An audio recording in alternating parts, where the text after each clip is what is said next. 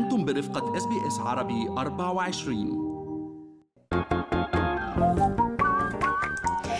شو في ما في من أستراليا وحول العالم بفقرة منوعات آخر فقرات برنامجنا الصباحي.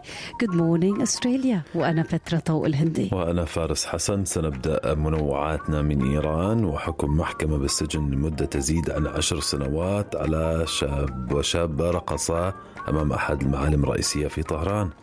يعني قبض على ساعدنا بالاسامي استياج. استياج. حقيقي وخطيبة أمير محمد أحمدي اثنيناتهم بالعشرين من عمرهم.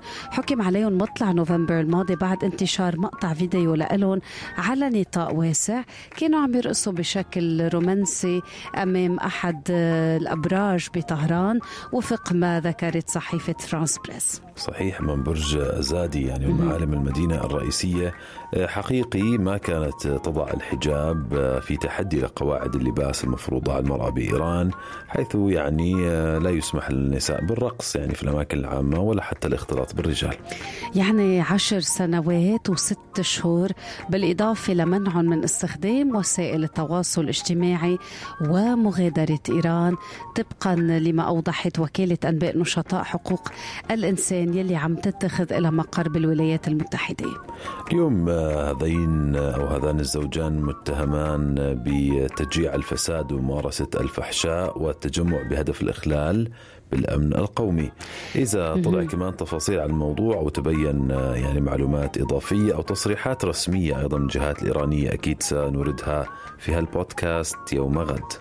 خلينا ننتقل لخبر تاني. آه، فارس صبية اليوم عم بتحاكم أهلها لأنه زوجوها بعمر الست سنوات بعد 18 سنة وقفت وقالت لا يا والدة وزوج هي الامرأة حاليا والطفلة وقتئذ اللي أجبرت على الزواج وقفا أو مثلا أمام محكمة في تركيا بتهمة انتهاك الطفلة والاعتداء الجنسي عليها في قضية سلطت الأضواء اليوم على معتقدات الطوائف المختلفة في تركيا.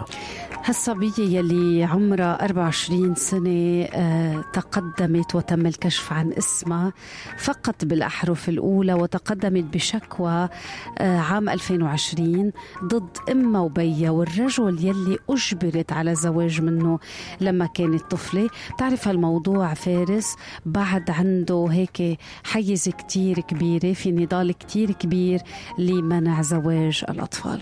زوج هاي المرأة بواجه عقوبة بالسجن لمدة 30 سنة على الأقل في حال أدين بارتكاب اعتداء جنسي على طفلة ولكن طبعا حتى نكون موضوعيين الثلاثة إلى الآن اللي هم زوجها ووالديها آه، نفوا هذه التهم الموجهة لهم.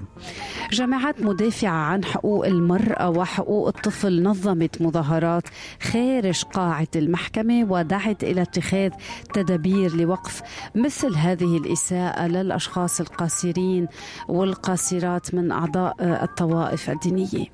ويعني كان في على الجانب الآخر مسيرة احتجاجية مضادة حكوا أنه الموضوع وما يتم حوله والجدل اللي أثير حوله هو حملة تشهير.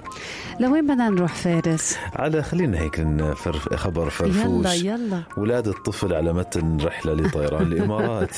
يعني بعدنا عم نحكي فارس وكل يوم بالقهوة بنقول إنه لحظة لحظة الولادة تأتي كالسارق.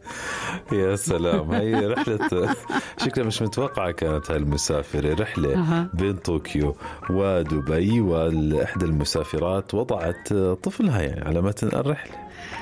إف يعني هبطت الطائرة الإماراتية فارس.